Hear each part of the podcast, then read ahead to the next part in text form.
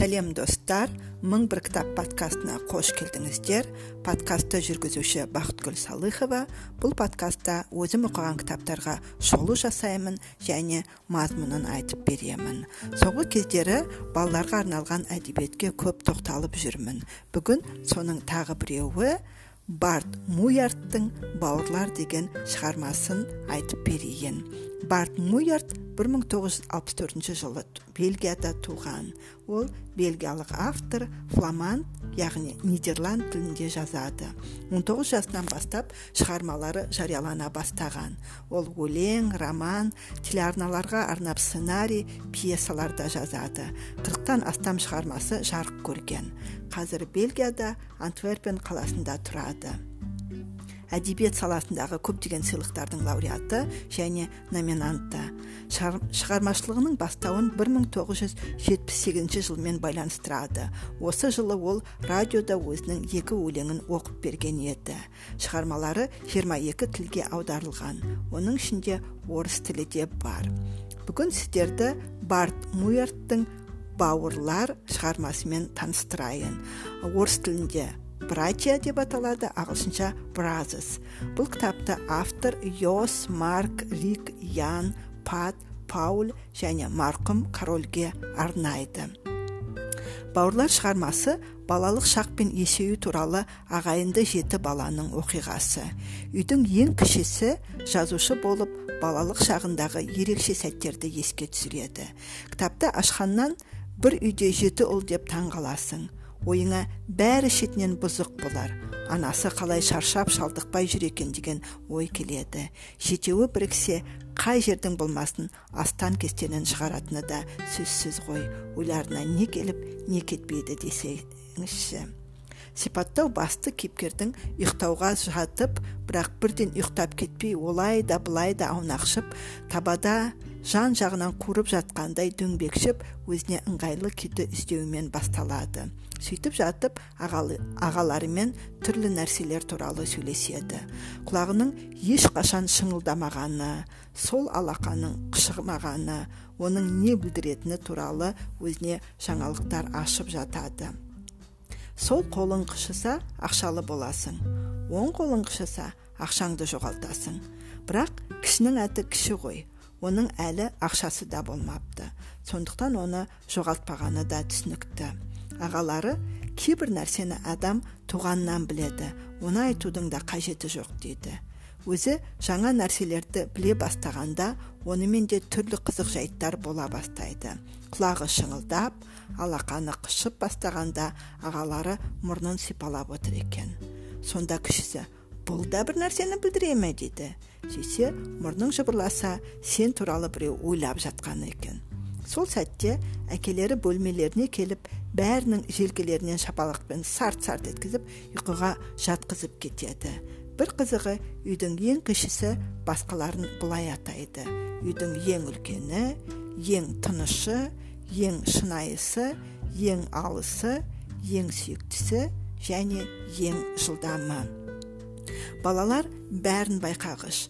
Әкелері ойға шомғанда мүштігін ұстап темекісін тартатын.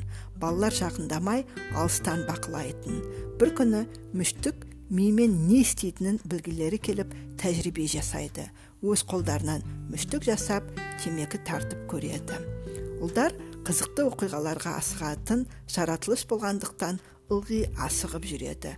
Тамақты да жүре жейді. Тамақтарын тез жегендері сонша анасы жаңа ғана не жедіңдер деп сұраса тап таза тәрелкелеріне қарап бәсе не жеп едік? деп таңырқайтындардан. Сондықтан анасы оларға асықпай асықпай жейміз деп естеріне салып отыратын. Және бір күні қалай асықпай жеу керек екенін дәмді қалай сезу керек екенін көрсетіп балаларға дәл солай тамақ жеп көрулерін айтады. Кейіпкеріміз үйдің кішісі болғандықтан кейбір нәрсені білмей де қалады. Ағаларынан сұраса олар еш нәрсе болған жоқ дейді. Сөйтіп кейде ешкім еш нәрсе туралы ештеңе білмейді қыс кетіп көктемде келеді. Бұл үлкен тазалық уақыты еді. Балалар көп кешікпей көп шаң сабын көпіршіктері және азынақ болатынын біледі. Бір апта бойы анасы мен әжесі соншама қоқыр соқыр қайдан шығады? Еш нәрсені лақтырмайтын не деген адамдар деп бұрқылдап жүретін балалар іштерінен. Бұл ешқандай да қоқыр соқыр емес.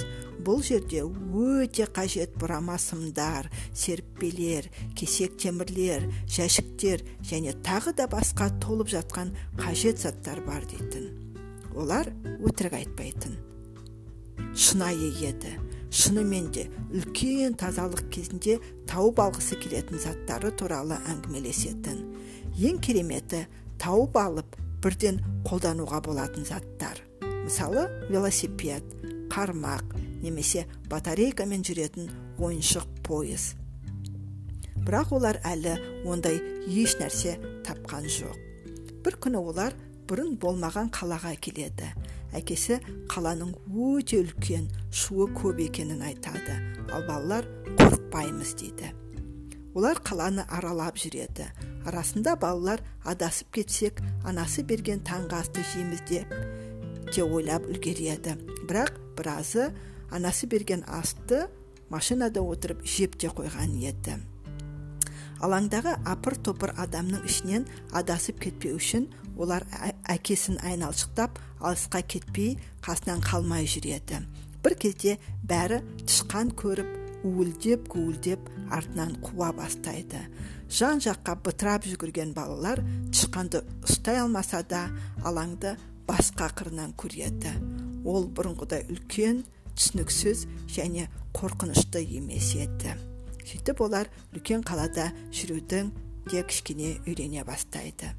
Бір күні әкесі ұлдарымен тиімді мәміле жасайды балалар бір тәрелке брюссель орам жапырағынан жесе олар бір тілім жер сатып алады олар бір тәрелке брюссель орам жапырағын жейді сол үшін шөбі бар не гүлі бар не жай ғана еш нәрсесі жоқ жер таңдауларына болатын ағалары гүлі бар жер таңдайды ең кішісі неге шөбі барын алмады?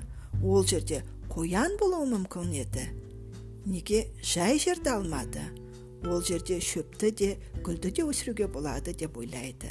Бірақ ағалары өз пайдаларын білетін еді. Олар сатып алған бөлікте өсіп тұрған түймедақтарды қиып алып көршілеріне барып сатады. Ақшасын кедей балаларға яғни өздеріне жұмсаймыз деп айтады. Содан соң олар салат пен ақжелкен отырғызып оны суарады. Бір күні ағалары ауырып үйде қалғылары келеді. Сондықтан түрлі айла жасайды. Қолтықтарының астына пияз салады. Мойындарына суық сулы сүлгі қояды. Аяқ киімдеріне картон салады. Олар картон организмдегі суды сорып алады деп ойлайды. Бірақ бір кезде ең кішісінің іші пысып ауырғысы келмейтінін айтып кетіп қалады да сол күнгі қызықты бір өзі көреді. Әкесімен супермаркетке барады машинамен қыдырады анасының дәмді құймақтарын жейді ал қалғандары өтірік ауырып бөлмелерінде жатады. Тағы бір күні сыртқа итті де қумайтын ауа райында балалар далаға өз еріктерімен шығады. Бәрі жабылып әжесіне көмектесіп үйді топан судан құтқарады. Осы кезде олар көз алдарына не елестеткенін оқысаңыздар қатты қайран қаласыздар. Балалардың үйіне юфрау стевенс келеді.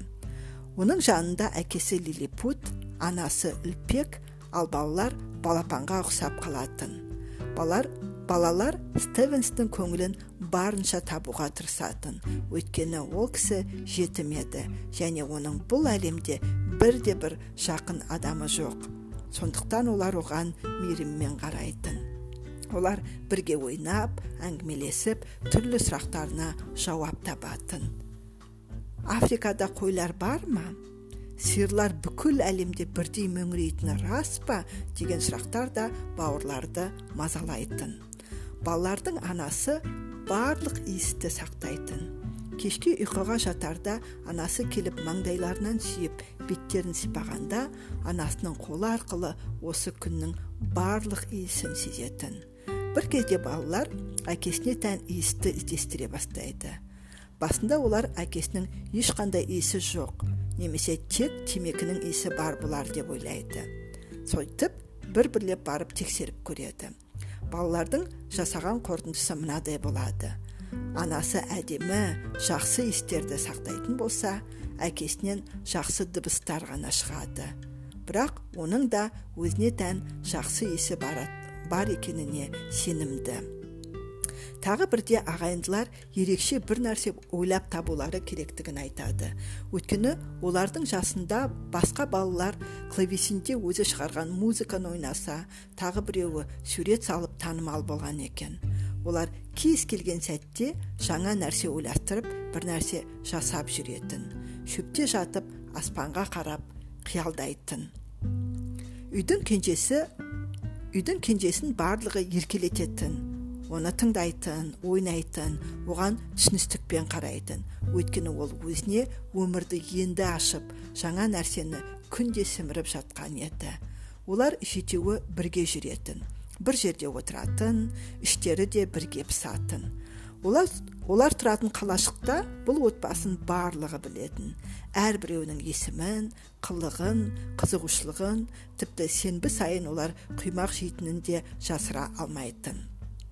Анасы кейде балаларын жалқаулар деп атайтын. Бірақ олар ешқандай да жалқау емес еді.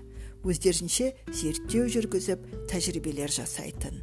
Міне олар үлкен бақаны зерттеп жатыр. Неге дымқыл терлей ме сүйелдер қайдан шыққан? Сырттан қарағанда олар еш нәрсе істемей ерігіп тұрған сияқты. Бірақ шын мәнінде олардың қолы бос емес еді. Құмнан үй салулары ваннаны теңіздеп елестетулері қараңғылықпен ойнаулары машинамен саяхатқа шығулары бәрін білгісі келетіндері жарыстары бірінші болуға тырысуы кейде тілазар болып беттерімен кетуі бәрі бәрі балалықтың естен кетпес сәттері еді.